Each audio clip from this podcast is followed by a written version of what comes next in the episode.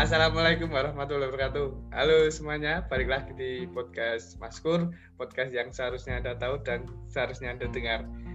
Nah, sekarang kita kedatangan tamu dari anak barat dan timur. Nah, yang jelas yang barat pastinya uh, dari Bandung. Nah, dulu juga satu SMA dengan saya sebagai kakak kelas dan yang satunya dari Bali. Ini juga sama kakak kelas saya, tapi mereka merantau ke Bandung dan Bali. Uh, yang pertama, halo Mbak Laras.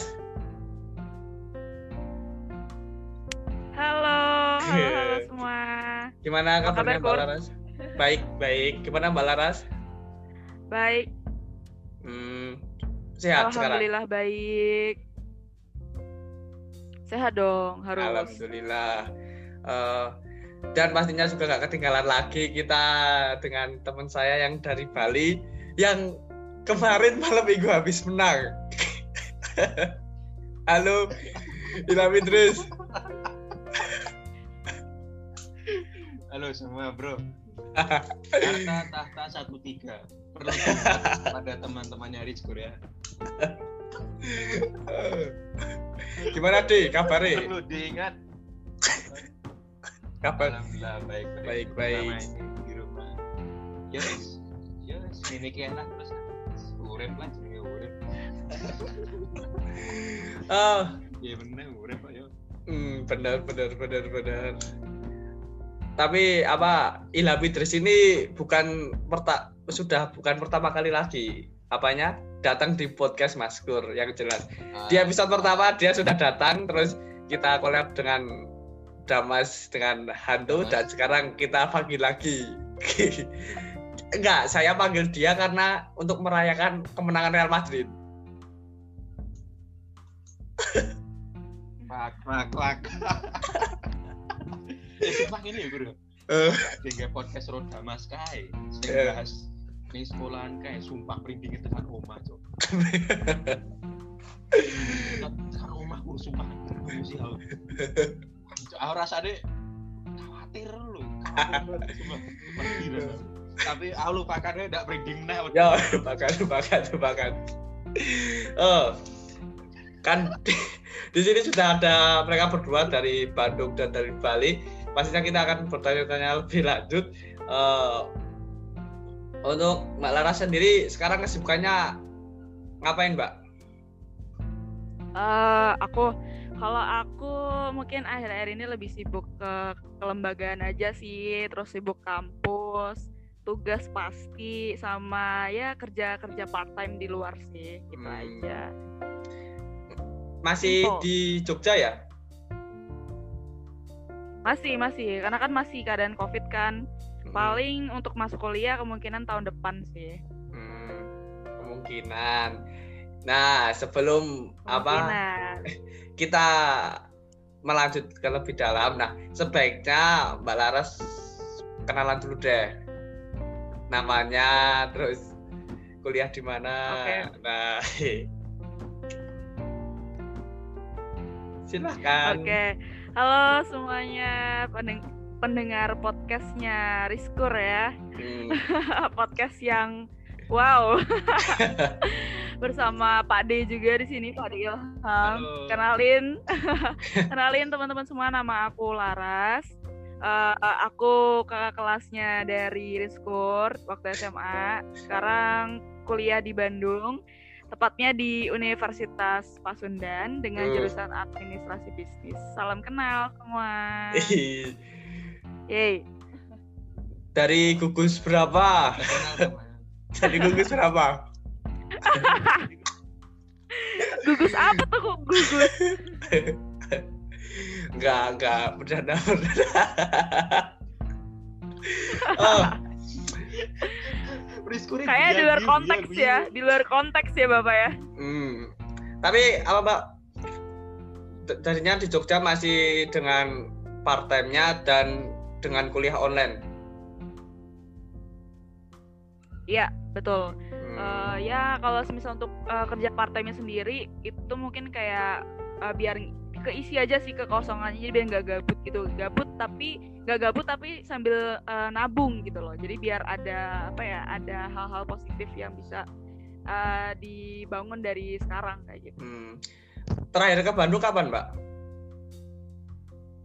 terakhir ke Bandung itu sekitar dua bulan yang lalu kalau nggak salah. Itu cuma sekitar seminggu sih karena kebetulan lagi ada project di sana dan ada urusan kampus juga.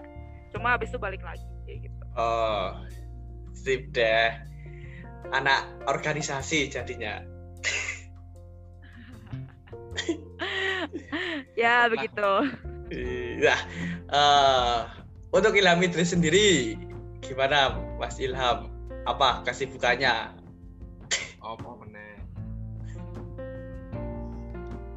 sibukan sih. Seperti biasa kuliah kuliah oh. cuman hari-hari ini aku uh, ada kerjaan uh, buat ngurusin organisasi juga sih open juga. Tapi aku tetap tak handle dari gila. gila. Mantap. oh gila. Eh tetap tak pantau skoma jadi aku menuju ke Bali. Anda ketua. Mungkin anda menjadi ke Bandung ketua. jangan. Ke Bandung jangan rara rara rara aku belum belum. Coba Bandung lah aku i nyesel ya kadang kadang Bandung ini sumpah. Aku soal rasa nyesal lu kok rada daftar Bandung? Astaga aku nyesel baru aku tapi sebenarnya tetap kuliah tetap mau tugas. Hmm. ya. Benar-benar tapi kan uh, eh Pak D apa? Kamu kan uh, sendiri kan dari jurusan tata buka itu iya tata buka Nah, tata buka apalagi tata buka kan mesti uh, harus apa? Mesti banyak praktek yang jelas. Nah, kalau di masa pandemi gini praktek di tata buka gimana?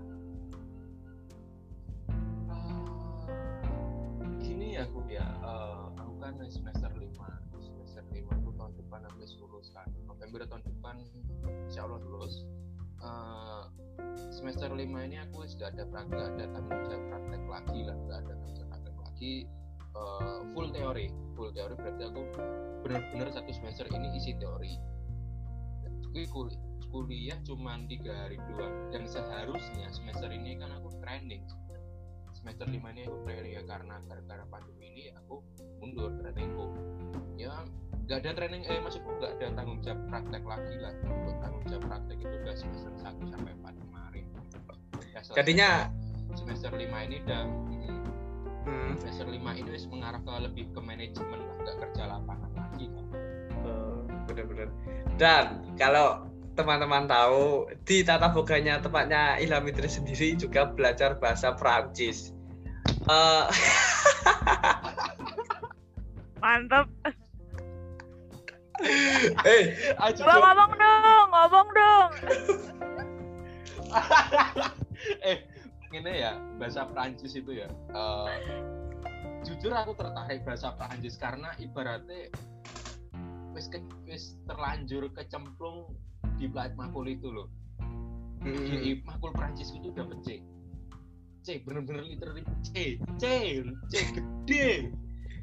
Cuman bahasa Prancis itu menarik menurutku dari sekian bahasa yang pernah aku dengar dan yang pernah aku dengar ya beberapa aku pernah dengar aku pernah dengar tuh Jerman Eropa Jerman Spanyol sama Inggris tuh sama Prancis ini yang benar-benar bahasa paling aksen dengan paling indah menurutku Prancis hmm. bener. Prancis tuh paling bagus aksen aksennya cuma Prancis itu kayak grammar grammarnya tuh susah banget. Ya mungkin bisa dibilang grammar sih. Uh, tulisannya apa bacanya beda beneran. Oh, satu kata motivasi buat dari bahasa Prancis nah trap ah contoh satu kata ya kata kalimat lebih susah menaik halo. Halo halo. Contoh satu kata simple ya. Ah apa trap trebiang trebiang itu kalau trebiang trebiang itu tulisannya uh, Trebiente pakai TR kalau nggak salah T R E B I E N T nggak salah. Itu bacanya beda lagi Trebiang artinya? Emang uh, bagus. Bagus itu. Beneran Eh, Aku selama nggak tak pancing ke Prancisku memang susah. Jadi jadi jadi gini, jadi gini. Kesimpulannya adalah selama kamu belajar setahun dua tahun itu, kamu cuma mempelajari bahasa Prancis cuma itu doang. eh sumpah, eh sumpah ras bahasa Prancis tuh gini ya. Setidaknya kan ada ada kosa kata-kata yang yang bisa kamu kasih ke kita gitu loh. Jadi nggak Ah, cuma bener, satu bener. kata gitu loh. Dan betul, betul, aku betul. jadi kesimpulannya adalah selama satu dua tahun ini kamu cuma belajar kata itu doang.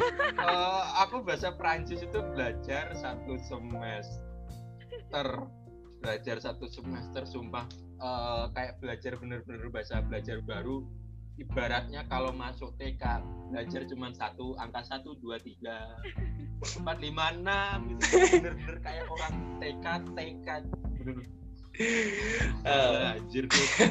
Satu kata kalimat eh eh, apa ya?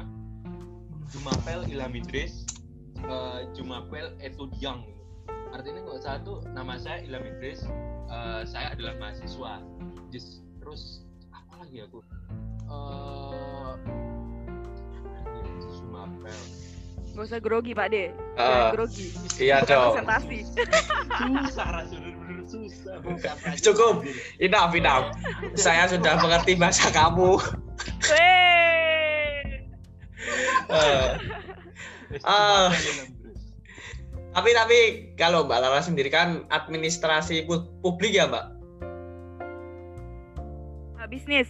Oh bisnis. Nah di administrasi bisnis tuh kalau prakteknya sendiri gimana di masa pandemi gini? Kan tadi yang tata boga. Nah sekarang kita beralih ke administrasi bisnis. Oke, sebelumnya kalau administrasi bisnis itu tuh mereka kayak eh, lebih eh, sebenarnya 50-50 antara teori sama praktek. Cuma kalau semisal untuk selama pandemi ini mungkin prakteknya kita lebih nyari kayak eh, strategi pemasaran, terus juga analisis eh, akuntansi mulai dari misalnya dari UMKM yang kecil-kecil, terus perusahaan-perusahaan yang besar gitu sih.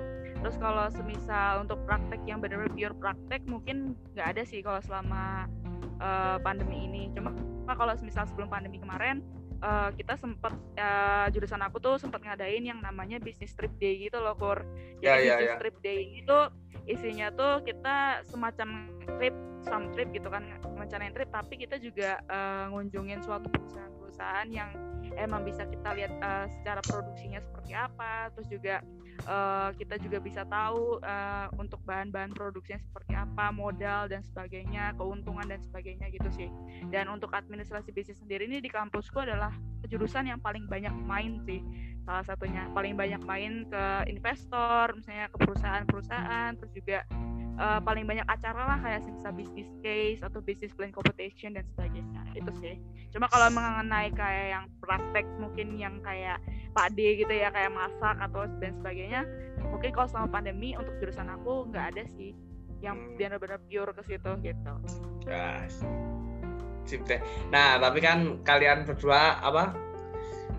Tetap ada praktek. Nah, kalau ngomong-ngomong tentang praktek, pastinya kan apalagi di administrasi bisnis sendiri kan dengan prakteknya dengan menghitung. Nah, dan di tata boga sendiri kan pastinya dengan memasak dan lain sebagainya. Nah, saat praktek itu kan pastinya kalian pernah sih merasa kayak menyerah di titik di mana kita itu kalian itu apa mau berbuat tapi pusing atau gimana udah udah udah mengerjakan praktek itu sampai selesai tapi tidak ketemu-ketemu. Yang contohnya administrasi bisnis yang menghitung tapi hasilnya malah nggak balance pasti kan ada. Dan yang tata tata boga juga apa masak ap- apa jadinya apa yang dimau malah misalnya masak tempe jadinya yang lain nah pasti kan ada. Tapi sebelum aku membahas tentang menyerahnya kalian tak aku pengen tahu pendapat di- dari kalian apa itu tentang menyerah nah eh, mungkin dari Mbak Laras sendiri menurut Mbak Laras tuh menyerah itu apa Oke, kalau secara pribadi ya, menurut aku itu menyerah itu adalah kita eh, bener-bener nyerah sama apa yang pengen kita capai gitu. Menyerah tuh bener-bener pure kita nggak nggak mau apa ya udah ngestak gitu loh. Udah ngestak sampai titik yang bener-bener kita capek terus jenuh terus gak ngerti harus gimana kayak gitu loh. Gak ngerti harus berbuat apa kayak gitu. Dan menyerah itu menurut aku secara pribadi adalah uh, di mana ya, suatu titik di mana tuh uh, kita sendiri ya secara pribadi. Itu adalah uh, bukan bukan apa ya bukan suatu hal yang istilahnya di dunia ini tuh kita tuh siapa sih kayak gitu loh. Kita tuh bisa hmm. apa sih kayak gitu loh kita tuh harus gimana sih kok orang-orang bisa dan gue nggak bisa gitu ah mending gue nyerah aja deh gue nggak bisa apa-apa nih kayak gitu loh yeah. kalau menurut aku kayak gitu sih jadi intinya kita tuh dalam keadaan hampa benar-benar nggak bisa ngapa-ngapain dan nggak mau nggak bisa tahu harus berbuat apa itu sih kalau arti menyerah menurut aku pribadi nah tadi kan dari argumen apa pendapat dari dari Mbak Laras dan uh, mungkin pendapat dari Pak D sendiri. Nah, biasanya ini pendapatnya berbeda. Gimana? Ilham Idris? Mungkin yang sering ngalamin, yang sering ngalamin Pak D kayaknya ya. ya. D. Menurutmu menyerah itu apa?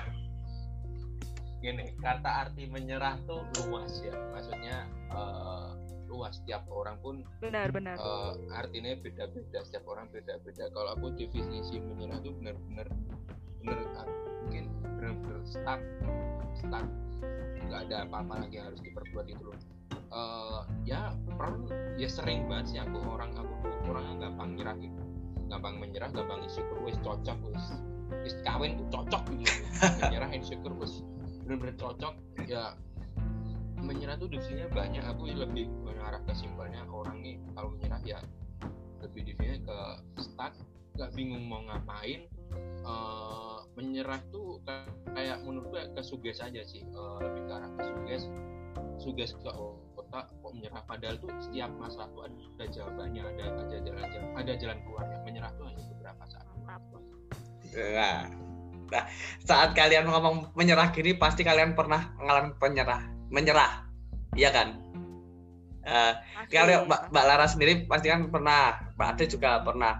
Nah uh, bisa cerita pengalaman kalian menyerah? Mungkin dari anak Bandung dulu deh.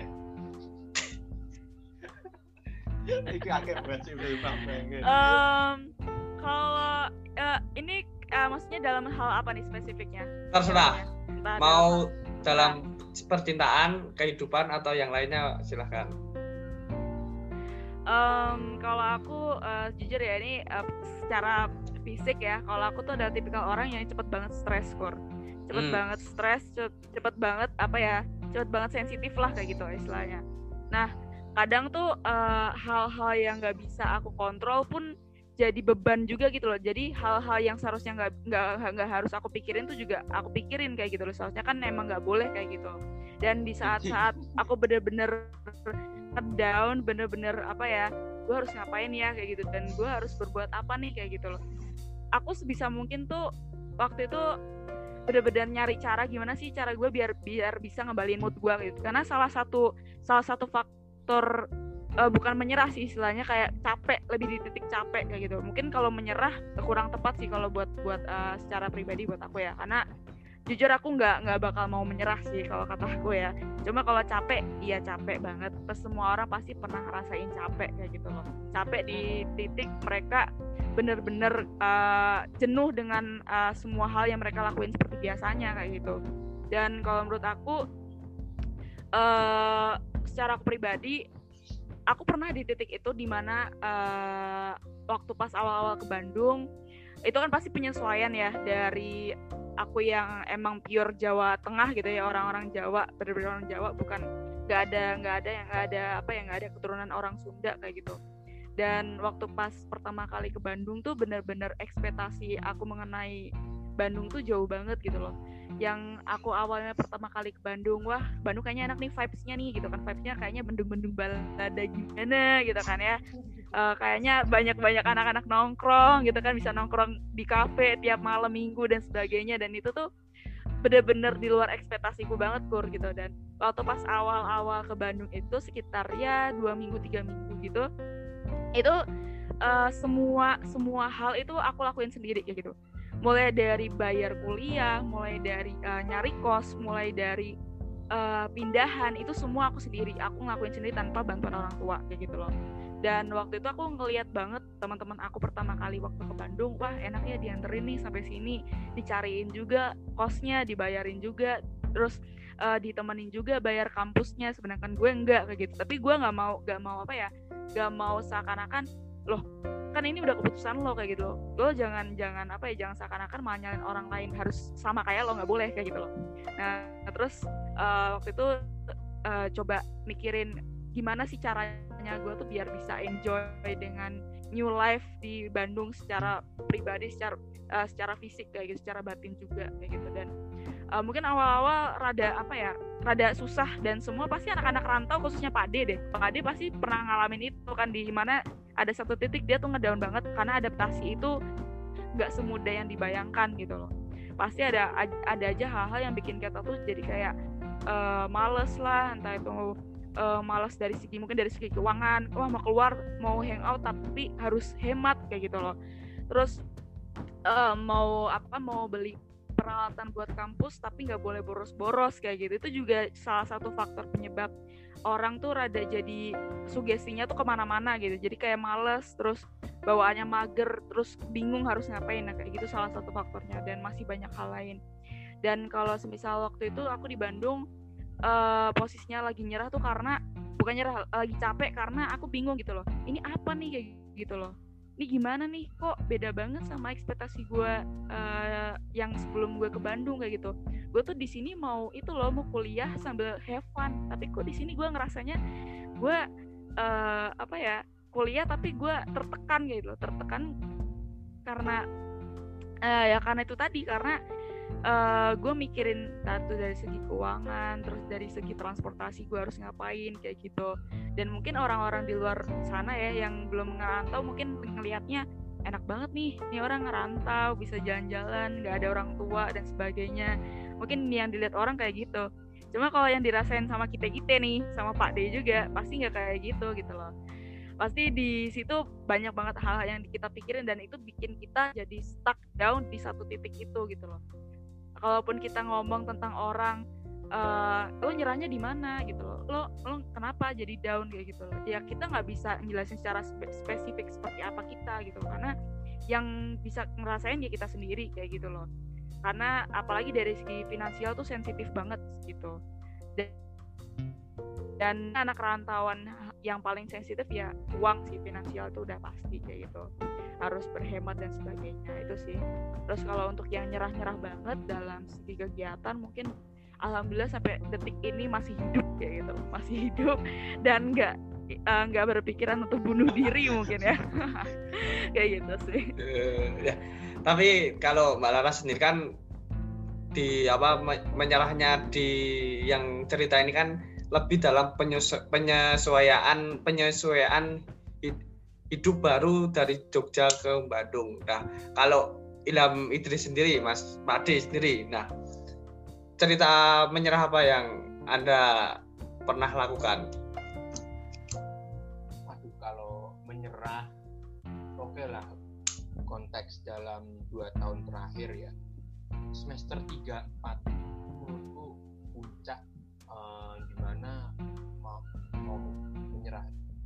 sejujurnya bukan menyerah sih bener kata Laras capek bisa dibilang. Uh, lebih ke kata capek mau ngapain itu ya susah ya kalau bicara dua tahun terakhir ya tiga semester tiga empat tuh kayak bukan lebih ke arah mau mengarah ke sana gitu loh. Udah mau tugas banyak uh, semester tiga tuh bener-bener stuck banget aku pernah uh, kayak tugas banyak terus prakteknya padat lah belum lagi kalau aku praktek semester 3 praktek itu aku sempat mikirin konsep konsep membuat kue apa nih gitu. Kan semester 3 tuh dapat konsep-konsep buat kue gitu loh tuh bentuk desain sendiri gitu. Pokoknya itu dari tugas tugas kebanyakan kuliah sih itu cuman kalau untuk menyerah ya cuman itu sih menyerahnya. Bener kata Laras uh, mungkin orang-orang di sana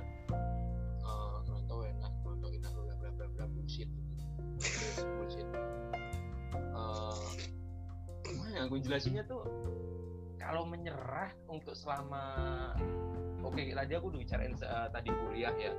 Uh, kalau untuk serang merantau sih kayaknya alhamdulillah enggak sih enggak enggak. Uh, kalau enggak enggak belum ada kata menyerah kalau untuk kata merantau itu. Ya masih bisa masih bisa survive lagi yang menyerah ya cuman kayak tugas kuliah itu sih. Uh, tugas kuliah tuh semester 3 semester 4 tuh bener-bener aku stuck bingung mau ngapain lagi.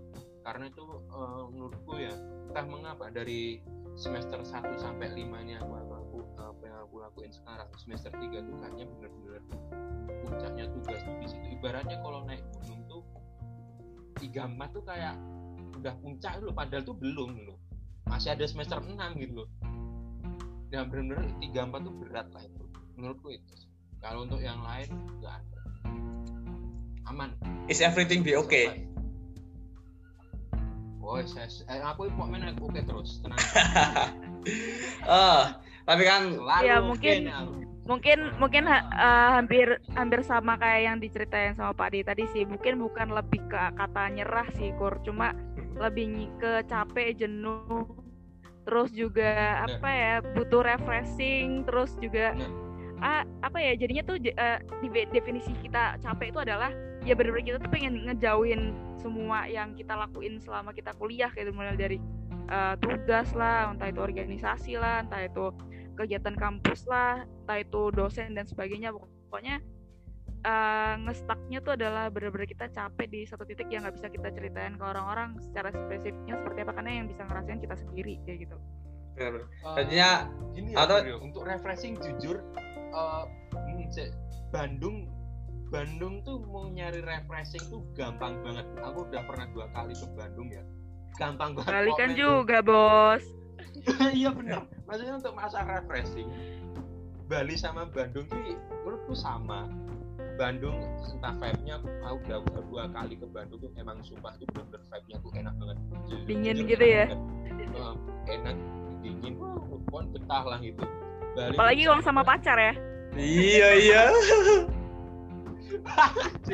Terus kalau Bali kan refreshing gampang lah. Aku tuh sering loh uh, gimana?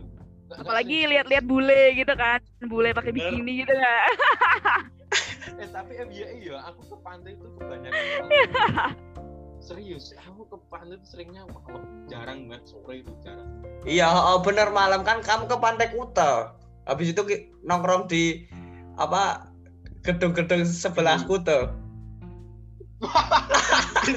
Lexi, itu Lexi sih. Oh, ini aduh lali aku kamu lali apa Pak Men. Eh, eh, hadrok, hadrok, hadrok itu toko, hadrok. Ah, hard rock uh, hard rock kan bener-bener depan apa depan pantai sih. Enggak kok men pokoknya Bandung Bali itu enak banget lah buat nyari refreshing buat bener-bener. refresh semua kegiatan tuh enak. Hmm. iya tapi tetap balik lagi sih semua semua hal yang dilihat enak tuh nggak sepenuhnya enak kayak gitu loh. Nggak nggak yang di apa yang nggak diomongin sama orang-orang wah enaknya jadi ngerantau dikasih sangu sebulannya misalnya sejuta dua juta padahal uh, ya nggak segitu-gitu juga kayak gitu loh. Terus enak ya uh, ke mana-mana tuh bebas kayak gitu. Nggak perlu izin orang tua dan sebagainya. Padahal uh, kita tuh benar-benar harus bisa bertahan hidup sendiri. Kita harus bisa jaga diri sendiri. Entah ada apa pun itu tetap yang bisa survive tuh diri kita sendiri kayak gitu loh. Oh ya benar-benar tadi yang Mbak Laras dan Pak De bilang bahwa kita jangan berekspektasi tinggi. Nah, saat kita ekspektasi tinggi itu yang kita harapkan belum tentu diharapkan oleh kita diri sendiri. Nah, saat kita dah saat kita tidak mengharapkan itu dan kita jatuh di titik terendah kita, nah itu penyebab menyerah kita dan akhirnya sambat kalau orang bilang sekarang. uh, pasti. Ya benar uh, tapi kalau ngomongin tentang menyerahkan banyak. Nah menurut kalian tuh boleh nggak sih kita menyerah? Mbak Laras dulu. Oke. Okay. kalau menurut aku ya pasti nggak boleh lah. Kalaupun um, apa ya menyerah itu mungkin bukan menyerah sih istilahnya istirahat dulu nggak apa-apa istirahat dulu it's okay.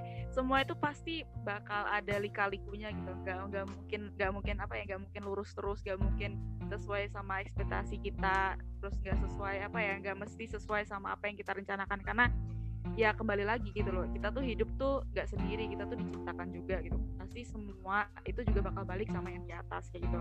Entah itu lancarnya atau tidaknya kegiatan kita yang kita lakuin pasti juga bakal ada sangkut paut tangan Tuhan juga gitu loh jadi kalau menurut aku kalau di saat kalian menyerah ingat lagi kalian itu tujuannya apa gitu loh. Kalian tuh mau ngapain gitu loh. Kalaupun kalian nyerah kok secepat ini kayak gitu loh. Kalaupun kalian nyerah dan eh, nggak uh, nggak tahu harus ngapain ya kalian harus mulai lagi dari awal gitu loh. Harus kosongin gelas dulu gitu loh biar kalian nggak cepet nyerah kayak gitu loh. Karena kalaupun kalian udah full nih gelasnya terus kalian tahu-tahu udah nyerah gitu aja bakalan pecah kan bakalan penuh kan bakalan luber istilahnya. Nah tapi kalau misalnya kalian uh, lagi udah full nih udah full gelasnya terus kalian capek ya udah istirahat aja dulu dikosongin lagi aja dulu gelasnya kayak gitu. Terus nanti kalaupun kalian udah uh, udah mulai apa ya udah mulai uh, energinya bangkit lagi moodnya bangkit balik lagi ya udah lakuin aja pelan pelan lakuin aja dulu dari yang kalian suka. Misalnya uh, aduh gue mau balikin mood gue nih gue mau makan yang pedes-pedes aja deh boleh. Atau mungkin ah gue mau ngeband aja nih biar mood gue balik boleh. Jadi jangan terus-terusan uh, apa ya ngasih tubuh kita, pikiran kita, batin kita tuh sama hal-hal yang seharusnya kita lakukan tapi nggak sesuai sama hati kita kayak gitu loh. Karena itu bakal bakal nyakitin banget kayak gitu loh.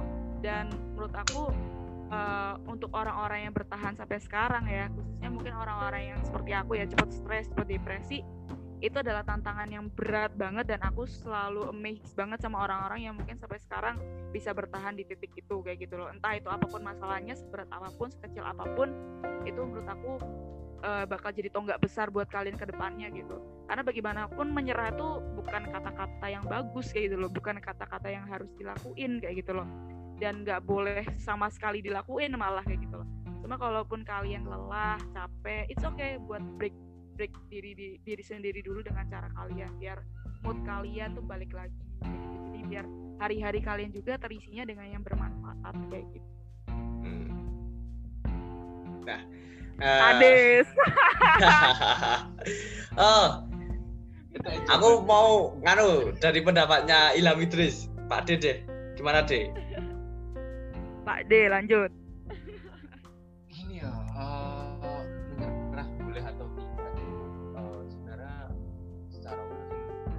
Boleh sih menyerah. Cuman uh, dengan syarat kalian boleh nyerah bounce backnya untuk ke depan tuh bagus atau enggak? Maksudnya epic comebacknya loh. Comebacknya tuh berimbas enggak gitu loh. Jadi boleh menyerah gitu cuman ketika balik lagi itu ya harus harus kuat lagi moodnya balik lagi. Bener karena harus ya harus comeback lah gitu, gitu. singkat aja aku jujur ya ya uh, menyerah itu bola atau enggaknya tuh bingung gitu loh. Intinya harus balik lagi bounce back selesai dah. Yuk kembali kuat gitu sih. Hmm, uh, iya. kalau kata menyerah sih ya, it, ya gitu sih. Uh, perlu mungkin perlu me time sendiri perlu sendiri dulu gitu. Pasti orang-orang pernah gitu. Oh, ya. ya capek ya perlu perlu waktu sendiri evaluasi segalanya gitu. nah uh, tadi benar kata Mbak Laras dan Pak De juga saat kita merasa di udah mau menyerah perlulah kita untuk keluar apa uh, ke, atau hangout lah bersama teman atau kalau suka band ya ngeband lah kalau yang suka olahraga olahraga lah atau traveling yang membuat diri kita senang agar kita mood kita naik. Nah saat uh, saat kadang orang tuh apa saat sudah merasa nyaman saat apa kayak udah merasa nyaman di dirinya kayak misal udah terlalu lama hangout, udah terlalu lama kegiatan-kegiatan itu dan saat yang menyerah tuh hilang tuh sudah hilang. Nah, tapi kadang orang tuh di zonanya di zona apa? yang traveling dan lain sebagainya itu. Nah, kadang mereka susah untuk keluar dari zonanya, zona nyamannya sendiri. Nah, menurut kalian bagaimana itu kalau seperti itu? Pade dulu sekarang yang jawab kalau berarti keluar dari zona nyaman. Mm -hmm. oh ya Korea bener. Nah, ini. Aku balik ke kisahku lagi ya. Uh, semester 3 4 tuh balik lagi. Uh, dulu tuh aku awal-awal di Bali itu ya takut ya takut. Masih dalam artian takut ya takut. Takutnya gimana? Beda gitu loh. Bali kan dengan vibe-nya yang beda secara kultural secara geografis beda banget sama Jogja 3 semester 3 satu yang aku takutin tuh karena orang tua aku uh, bukan semua semua masih maksudnya. Ada keinginan dalam hatiku pengen nyoba kerja gitu. Pengen nyoba kerja uh, masih takut gitu loh. Gimana ya mau seminggu gimana gitu. Uh, ya udahlah ya ya udahlah ya aku coba dulu buat nyari kerja yaitu part time di Bali tuh part time di Bali. Ya ternyata bisa gitu keluar dari zona itu yang aku biasanya pulang kampus tuh ya kalau nggak kumpul organisasi ya langsung pulang gitu. Cuman sekarang di semester 3 4 pola aku agak diubah keluar dari zona nyamanku zona nyamanku yang kuliah. Pulang kuliah ya tidur entah ngapain kumpul organisasi coba aku pulang ubah yaitu setiap weekend aku kerja ya. Ternyata ya aku bisa menjalani hal itu keluar dari zona nyamanku itu. Dan sekarang uh, tiap weekend di Bali tuh ya enjoy gitu enjoy. Gitu. dan satu lagi kalau keluar dari zona nyaman pun sebenarnya aku berangkat kembali itu sebenarnya keluar dari zona nyaman sih. Uh, keluar dari zona nyaman gitu. Bener. Uh, mungkin Laras pun uh, ya orang-orang kayak Laras pun bisa ngerasain lah. Uh, ya Bali pun secara kultural gitu maksudnya nggak tahu nih tempatnya kayak gimana gitu. Ya aku orangnya aku orang itu bisa dibilang anak rumahan banget. Bahkan uh, Dela temanku Dela temenku tuh kaget loh aku kembali serius. Bener. Bener Dela halo Dela. Bener Dela tuh bilang gini kamu ini serius kayak mah balik? Iyo alah itu biar dengan gue dolan an kan berpasti dolan angel-angelan? Yo di golek golek ibu mulai bapak mulai kan moro-moro nih Bali lagi piye kok sakjane ya aku yo ya kepiye del? Aku ya bingung del. Aku bingung mau jawab. Aku bingung mau jawab aja gitu. Ya tapi FYI ya uh, di Bali itu aku tuh uh, penyesuaian di Bali itu gimana agak cepat bisa dibilang cepat lah. Uh, ditinggal orang tua aku di Bali dua hari. Setelah dua hari itu aku udah gak takut lagi. Jadi dua hari itu aku buat aku takut mau takut tapi setelah itu udah udah biasa ya masih perlahan-lahan cuman aku berani untuk keluar ke mana keluar ke mana gitu. Dan sampai sekarang pun alhamdulillah uh, di keluarnya dari aku keluar dari zona nyaman keluar dari zona Jogja misalnya banyak lah teman-temanku yang ada di sekitarku yang membantu lah gitu, hmm, benar-benar. Nah sekarang kalau menurut Mbak Lara sendiri bagaimana Mbak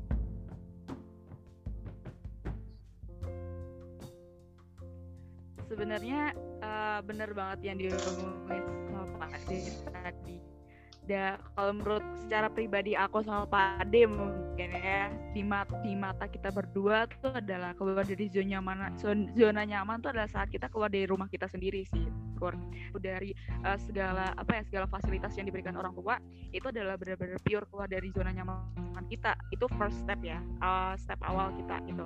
Dan hmm, step, step kedua adalah uh, penyesuaian. Itu ya itu pasti gitu. Penyesuaian adaptasi entah itu mulai dari adaptasi culture terus adaptasi lingkungan adaptasi vibe adaptasi bahasa adaptasi keuangan dan sebagainya itu uh, adalah salah satu faktor juga kita uh, salah satu faktor penyebab kita juga harus keluar dari zona nyaman itu kayak gitu. Dan, dan apa ya menurut aku uh, kalau bisa kita uh, udah terlalu nyaman sama sama zona nyaman kita dan udah terlalu asik istilahnya udah terlalu asik sama apa yang kita lakuin dan itu benar-benar membuat kita fun. Dan menurut aku itu uh, setidaknya harus dihindari sih menurut aku ya. Tapi kalaupun memang sejujurnya mereka kita butuh yang namanya some uh, some refreshing for ourselves gitu loh buat kita di sendiri it's okay gitu loh. Tapi tetap harus uh, membatasi diri kita jangan terlalu lama gitu loh. Karena balik lagi lo mau mau apa gitu loh tujuan lo tuh mau apa gitu loh. Kuliah di luar kota jauh dari tua tuh lo mau apa kayak gitu loh. Jadi jangan sampai kita sendiri uh, ngerasa udah enak apa apa difasilitasin walaupun jauh gitu kan. Udah dikasih duit misalnya sebulan 4 juta buat buat apa buat jajan lah buat bayar kos dan sebagainya ya itu harus bisa lo hematin harus bisa maksimalin diri lo biar nggak apa ya nggak seboros-boros mungkin kayak gitu. Dan mungkin salah satu hal yang jadi kita bisa nggak terlalu nyaman sama zona nyaman kita salah satunya tadi yang dia bilang sama Pak D tadi yaitu kerjaan kerja part time mungkin atau cari uh, suatu project yang uh, ngebuat kita tuh bisa nabung istilahnya nabung entah itu nabung uang atau nabung skill terus juga nabung apa ya nabung pengetahuan dan relasi juga pastinya kayak gitu. Dan itu penting banget buat dilakuin sama anak-anak muda zaman sekarang khususnya uh, zaman-zaman kita kayak gitu loh. Karena kalaupun misalnya istilahnya kalau zaman-zaman sekarang kan pasti mikirnya apalagi anak-anak sekarang cinta-cintaan gitu ya cinta-cintaan mulu. Ah aku gue kalau semisal nggak ada pacar gue hampa nih. Atau aduh gue kalau semisal nggak ada gebetan gue uh, mau main sama siapa? Gue jadi kayak gak berguna gitu loh guys. Gini-gini. Padahal apa ya cinta-cintaan itu menurut gue untuk saat ini ya untuk saat kita yang lagi merintis pendidikan tuh nggak terlalu penting-penting amat guys gitu nggak terlalu jadi suatu kebutuhan yang harus dipenuhi gitu loh. Tapi kalaupun kalian memang mau apa ya suka sama seseorang atau mungkin mau menjalin suatu hubungan it's okay itu hak kalian gitu loh. Dan itu mungkin perasaan kalian yang tidak bisa dihindari cuma tetap kita harus fokus sama apa yang jadi tujuan kita gitu loh. Nggak nggak nggak boleh jadi suatu apa ya suatu kebutuhan utama yang harus dipenuhi misalnya nafsu belaka dan sebagainya tuh nggak boleh kayak gitu loh. Jadi kita tetap harus fokus sama apa yang kita tuju kayak gitu loh. Dan itu mungkin balik lagi sama pribadi orang masing-masing kur gitu. Kalaupun orangnya itu mungkin ada somehow ada seseorang yang uh, uh, ini udah enak banget nih gitu kan gue udah enak banget udah punya pacar duit gue banyak dis disediain mulu fasilitas sama nyokap bokap gitu kan. Terus gue tinggal kuliah gitu ya udah gue enjoy enjoy aja gitu. Se enjoy enjoynya lu gitu loh se enjoy enjoynya kalian yang udah difasilitasin mungkin yang lebih dari kita berdua nih misalnya aku sama Pak D mungkin.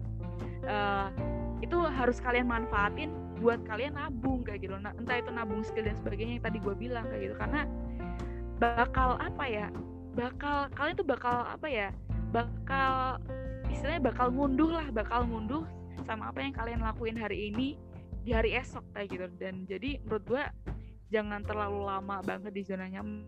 Dan serius deh kalaupun kalian ya teman-teman yang dengerin podcast ini yang kalian pengen banget ngerasain mandiri dan pengen keluar dari zona nyaman dan pengen berubah untuk uh, masa depan kalian coba deh sekali-sekali. Atau mungkin adik kelas kita nih yang mau kuliah coba deh teman-teman adik kelas atau teman-teman yang lain coba kuliah di luar kota atau di luar uh, daerah kalian kayak gitu. Dan itu pasti kalian bakal belajar apa yang namanya prihatin gimana caranya menghemat uang gimana caranya belajar lebih dewasa kayak gitu sih menurut aku. Benar benar benar. Uh, tapi menurut anu kalian berdua tuh termasuknya hebat. Hebatnya di mana?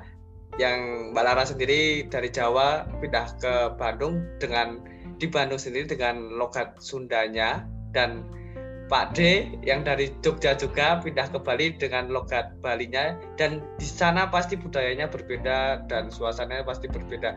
Kita juga kalian juga harus beradaptasi ulang dengan yang dulunya di Jogja dengan banyak teman gimana setelah pindah ke Bandung Mbak Laras harus sendiri dan mungkin uh, seseorang pertama yang di, di ketemu Pak paling Gojek atau Grab dan sebaliknya dengan Pak D sendiri keberangkat ke Bali hanya modal nekat atau dengan disuruh orang tua dan teman-temannya nggak percaya dia bisa beradaptasi dengan budaya Bali yang kental dengan Hindu dan pada sendiri Islamnya juga bisa mengikuti.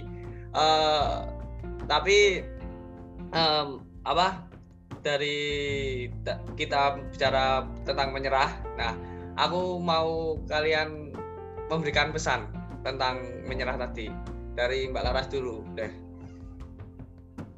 Uh, Oke. Okay.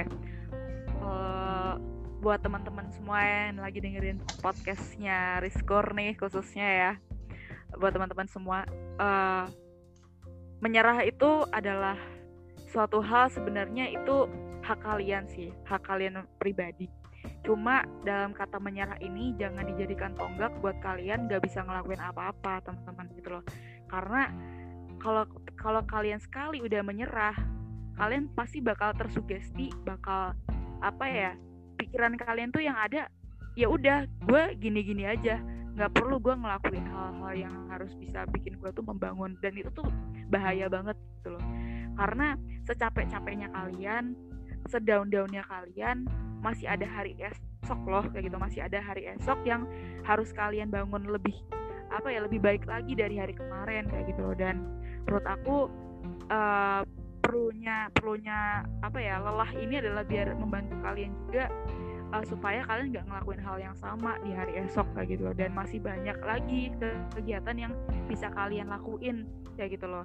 Dan menurut aku uh, apa ya menyerah tuh jahat banget sih kalau menurut aku. Jadi kalaupun kalian nih ya kalau kalian yang lagi dengerin podcast ini kalian ada di titik itu uh, terima kasih sama diri kalian sendiri.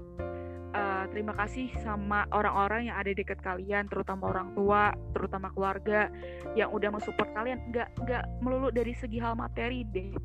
Mulai dari support mulai dari apa ya mulai dari fasilitas dan sebagainya itu tuh uh, orang tua kalian keluarga kalian tuh ngasih buat kalian gitu loh. Buat kalian tuh bisa punya hidup lebih baik lagi di masa depan. Dan kalian harus terima kasih itu. Dan gimana caranya terima kasih? Ya dengan cara keberhasilan kalian kayak gitu loh. Nah kalaupun kalian udah dikasih fasilitas sudah dikasih uh, keuangan yang mencukupi nih semisal terus kalian bisa hangout sama teman-teman bisa nginep sana sini dan sebagainya itu adalah suatu hal anugerah yang harus kalian syukuri gitu loh.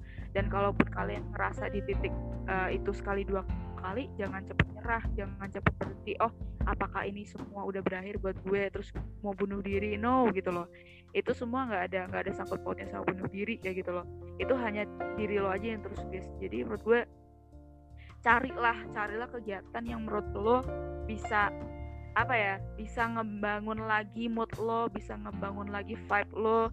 Terus gimana caranya diri lo tuh nggak bisa ngestak di situ-situ aja kayak gitu. Dan jangan apa ya jangan jadiin masa lalu itu adalah suatu hal yang menakutkan tapi jadiin uh, uh, suatu hal yang masa lalu yang lo lakuin itu adalah suatu pelajaran biar lo tuh nggak ngulangin itu lagi kayak gitu. Gitu sih kalau dari aku. Kalau dari anak Bali gimana?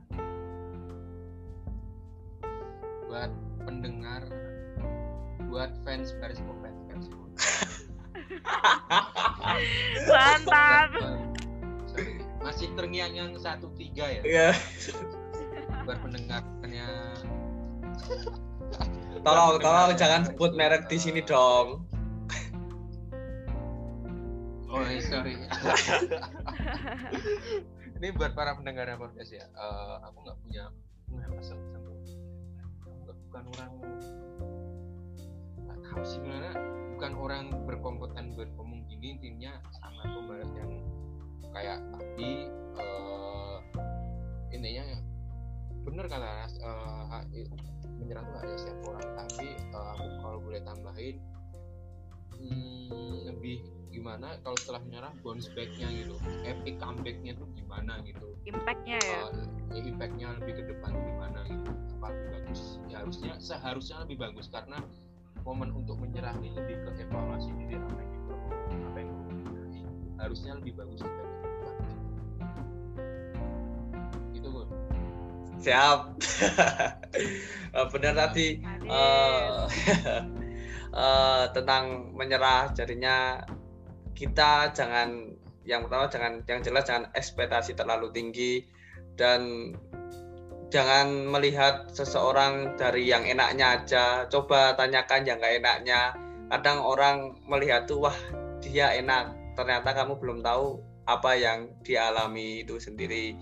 Uh, Nah, terus uh, dan saat kalian di posisi titik terendah, cobalah kalian keluar dari itu atau hangout dengan teman. Itu perlu saat kalian di titik terendah dan akan mau menyerah. Dan ingat kalau kalian sudah uh, berada hilang rasa menyerah kalian dan kalian itu harus keluar dari zona nyaman kalian dan yang dibilang tadi dari Pak D adalah epic comeback kalian itu perlu. Kenapa kalau kita jatuh tujuh kali? Nah kita harus bangkit delapan kali. Itu yang harus kalian lakukan. Nah uh, untuk Pak D dan Mbak Lara sendiri untuk ke depannya ini gimana? Apakah ada tujuan lain?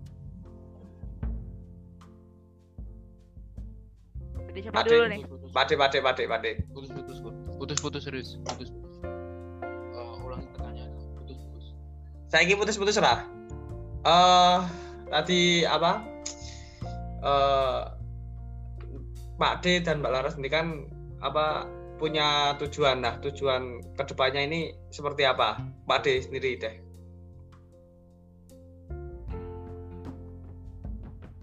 Tujuan gimana gur? Ke depannya gur? Maksudnya terserah. uh, gimana? Terserah. Lupa sih mas. Nggak nggak spesifik. Kehidupan kehidupan is your life mu goalsmu deh. Ya goals life. Ke depan goals uh, gini ya uh, kita bicarain setelah lulus aja.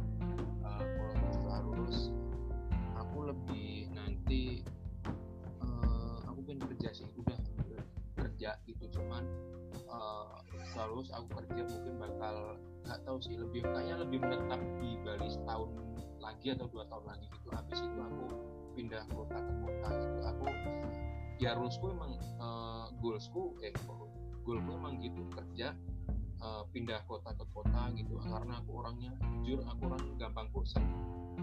Bahkan uh, aku uh, bisa dibilang itu dua tahun di Bali itu udah bosan. Udah bosan ya. Mau pindah lagi ke mana gitu. Uh, aku pengen pindah kota ke kota kerja gitu. Sambil ngumpulin uang juga sih ngumpulin nabung juga buat kuliah S1 juga gitu uh, kalau goals dari Mbak Laras sendiri apa? Atau ada yang belum di uh, belum apa belum terla, terlang, terlaksanakan menurut Mbak Laras. Nah, apa Mbak? Banyak sih kalau dari aku yang belum terlaksana ya banyak banget gitu. Karena aku aku juga masih merasa aku kurang sih kur gitu. Masih banyak lah dari segi hal apa pun itu karena aku nggak pernah ngerasa puas sih orangnya. Jadi aku pengen ya aku emang ngerasa aku belum belum punya apa-apa kayak gitu loh. Dan uh, apa ya kalau untuk goals aku sih ke depannya mungkin sama sih. Aku tipikal orang sama kayak Pak D ya. Aku cepet bosan banget orangnya gitu. Dan aku uh, mungkin untuk ke depannya uh, bakal apa ya bakal ya yang pasti bakal uh, lulusin dulu lah kelas sarjananya amin secepatnya mungkin ya secepatnya insya Allah. Terus apa pengen kerja dulu sih kerja kantoran dulu. Kerja kantor yang mungkin sesuai sama passion aku ya. Dan aku sebenarnya udah udah apa ya udah netapin sih waktu itu. Aku pengen apa pengen apa kayak gitu kan. Pengen kuliah di passion apa di bagian apa itu udah udah aku apa udah aku tata lah istilahnya di otak aku gitu loh dan untuk ke depannya mungkin setelah nanti setahun atau dua tahun kerja uh, aku bakal sambil ngumpulin sambil berbisnis juga gitu. Dan mungkin ya ini alasan aku kenapa kuliah di administrasi bisnis. Mungkin juga pengen berbisnis juga pengen, salah satunya pengen uh, berbisnis di uh, apa di area industri kreatif kayak gitu. Entah itu di bagian fotografi atau mungkin uh, nyari uh, casting casting model-model casting mungkin dan sebagainya. Terus juga di bidang kuliner juga iya. Mungkin insya Allah kayak gitu sih. Dan target aku insya Allah 25 26 udah udah ada apa, udah ada penghasilan yang tetap gitu loh. Gitu sih untuk ghostnya kalau kalau semisal kalau semisal nikah kalau semisal nikah uh, gini sih kalau menurut aku pribadi ya kalau menurut aku pribadi tuh nikah pasti sih semua siapa sih ya yang nggak mau nikah gitu kan. Apalagi ibadah ibadah yang benar-benar menuju ke uh, jenjang yang halal kayak gitu kan. Cuma kalau menurut aku pribadi mungkin target goals aku nikah ya mungkin umur 26 27 sih kalau aku kalau aku ya. Uh, karena kalau menurut aku sih kalau untuk urusan nikah bukan bukan masalah umur atau masalah apa ya uh, cepet-cepetan sih tapi masalah siap lahir dan batin kalau menurut aku gitu sih. Dan uh, kalau untuk goalsnya mungkin selain materi nikah mungkin ya siapa aja lah nanti yang bakal jadi jodoh aku gitu loh. Insya Allah doain aja yang terbaik gitu aja sih. Dan yang pasti kalau untuk urusan jodoh ya nggak jauh-jauh lah maksudnya uh, pasti ada lah gitu loh. Pastilah besok besok ada gitu. Cuma aku kalau untuk sekarang ini nggak terlalu yang mikirin apa ya nggak terlalu mikirin jodoh gue di mana ya terus jodoh gue lagi ngapain ya nggak terlalu mikir itu sih. Karena emang basic basically karena emang aku juga lagi pengen fokus sama what I have to do gitu loh. Apa yang gue lakuin sekarang apa yang gue harus lakuin ke depannya gitu loh. Dan tentunya uh, apa yang gue lakuin sekarang bakal gue ambil di besok hari kayak dan gue nggak mau sampai uh, anak-anak gue juga ngerasain apa ya istilahnya gua, yang gue rasain sekarang ini. Mungkin kayak di pandemi kayak gini kan kita kekurangan finansial nih dari segi finansial dan sebagainya. Dan gue nggak mau kayak gitu. Dan goals gue juga gue pengen ngelakuin trip uh, di, dari awal gue nikah sampai gue tua. Kayak gitu sih trip sama suami tercinta dan anak-anak tercinta tentunya gitu. Kayak gitu sih dan kerja berdua kerja bareng-bareng kayak gitu. Itu sih goals gue gitu kan. Cuma kalau untuk nikah spesifiknya nikah gue belum tahu kapan. Ya sedikasinya sama Allah aja kapan. Bener bener bener. Siapa tahu kalian berdua mungkin mbak Laras dapat akang-akang Bandung dan aduh. Dan Ila Fitris bisa dapat bule-bule dewata atau mungkin kanu cewek-cewek Bali. Tapi cewek-cewek Bali juga termasuk cantik-cantik bener cewek-cewek Bali gemeter Pak Ade. Pak Ade gemeter. No comment oh. comment hmm. ya semoga nganu apa goal sekalian yang ada pada kalian juga bisa tercapai. Nah, yang maunya ini maunya itu semoga bisa tercapai dan yang terakhir, kan tadi dari apa pesan dari yang menyerah itu. Sekarang pesan buat yang pendengar podcast Maskur apa? Ilham Idris dulu.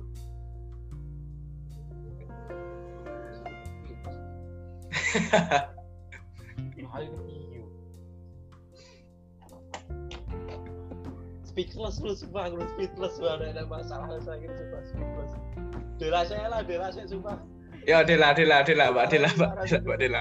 Pesan buat teman-teman yang mendengarkan podcast Maskur apa, Mbak Dela? Oke. Okay. Oke, okay. kalau uh, pesannya lebih ke itu ya, lebih uh, gimana kur putus-putus kur si, si, si. pesannya pesan pesan pesan untuk uh, podcast Maskur ini yang dengarkan kalau untuk pesan-pesannya mungkin hampir sama yang kayak tadi diomongin ya dari tadi ya. Uh, istilahnya dari diambil dari tema hari ini jangan cepet nyerah buat teman-teman. Semua itu pasti ada ada apa ya ada hal-hal yang nggak bisa kita juga kayak gitu. Ada hal-hal ada aja pasti selalu ada aja hal-hal yang nggak bisa kita apa ya nggak bisa kita atur juga gitu karena semua kembali sama yang di atas kayak gitu. Tapi kembali lagi gitu loh kalian berekspektasi boleh kok berekspektasi setinggi tingginya boleh. Tapi kalian juga harus ingat resikonya seperti apa gitu loh. Jangan jangan kalian uh, berekspektasi doang tapi kalian nggak mempersiapkan dari segi hal mungkin resikonya seperti apa yang gue kerjain harus seperti apa kayak gitu sih. Terus kalau untuk keluar dari zona nyaman uh, itu penting banget sih menurut aku gitu. Apalagi untuk anak-anak zaman sekarang ya yang yang benar-benar udah apa ya istilahnya udah menikmati banget nih uh, untuk kecanggihan mulai dari kecanggihan handphone, laptop dan sebagainya, kecanggihan internet dan sebagainya yang udah kecanduan kayak gitu. Mungkin itu yang ngebikin anak-anak zaman sekarang ah mager ah nanti aja lah. Kan bisa dicopas tugasnya dan sebagainya gitu. Dan tuh menurut aku hal-hal yang kecil kayak gitu kayak misalnya nunda-nunda tugas tuh juga nggak baik sih gitu. Walaupun kadang-kadang aku juga kayak gitu cuma uh, apa ya jangan keseringan lah coba coba aja uh, apa ya namanya ubah hal-hal kebiasaan yang dari kalian apa ya yang sekecil mungkin lah gitu loh. Misalnya bangun pagi gitu. Atau mungkin misalnya uh, gosok gigi sebelum tidur atau mungkin uh, ngerapin tempat tidur kalian sesudah kalian bangun kayak gitu. Itu sih hal-hal yang kecil yang bisa ngerubah kalian uh, lebih besar lagi kayak gitu. Terus kalau untuk uh, lebih spesifik menyerah jangan jangan cepat menyerah deh gitu. Kalau berserah boleh menyerah jangan gitu asik uh, gimana Mas Ilham Idris mau menyampaikan pesannya? ini ya bener uh, Laras ya. Uh, gimana ya? Uh, harus berani ambil resiko sih sebenarnya. Uh, harus ambil resiko cuman uh, di samping uh, mengambil resiko itu juga resiko ya entah resiko atau perencanaan apa pun uh, aku lebih memikirkan kemungkinan terburuk terlebih dahulu memikirkan kemungkinan terlebih dahulu karena memikirkan kemungkinan terlebih eh buruk terlebih dahulu tuh selangkah lebih maju uh, daripada memikirkan kemungkinan terbaik intinya menyiapkan uh, segala kemungkinan yang ada. Nah, uh, terima kasih dari Mbak Laras dan Pak Ade atas pesan-pesannya. Semoga pesan-pesan ini bisa menginspirasi teman-teman yang mendengarkan dan bisa mengubah pola hidupnya sendiri. Dan semoga Mbak Laras dan Pak Ade besok kalau mau diundang lagi boleh ya. Siap, boleh dong. Inspirasi.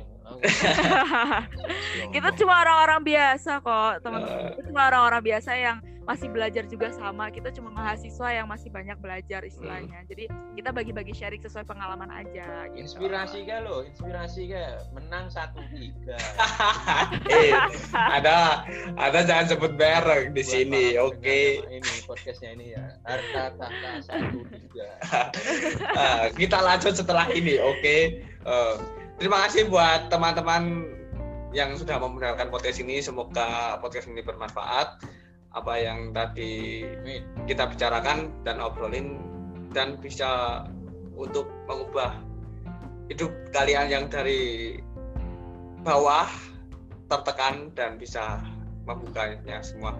Dan saya Rizky Kurnia, saya mohon undur diri. Wassalamualaikum warahmatullahi wabarakatuh.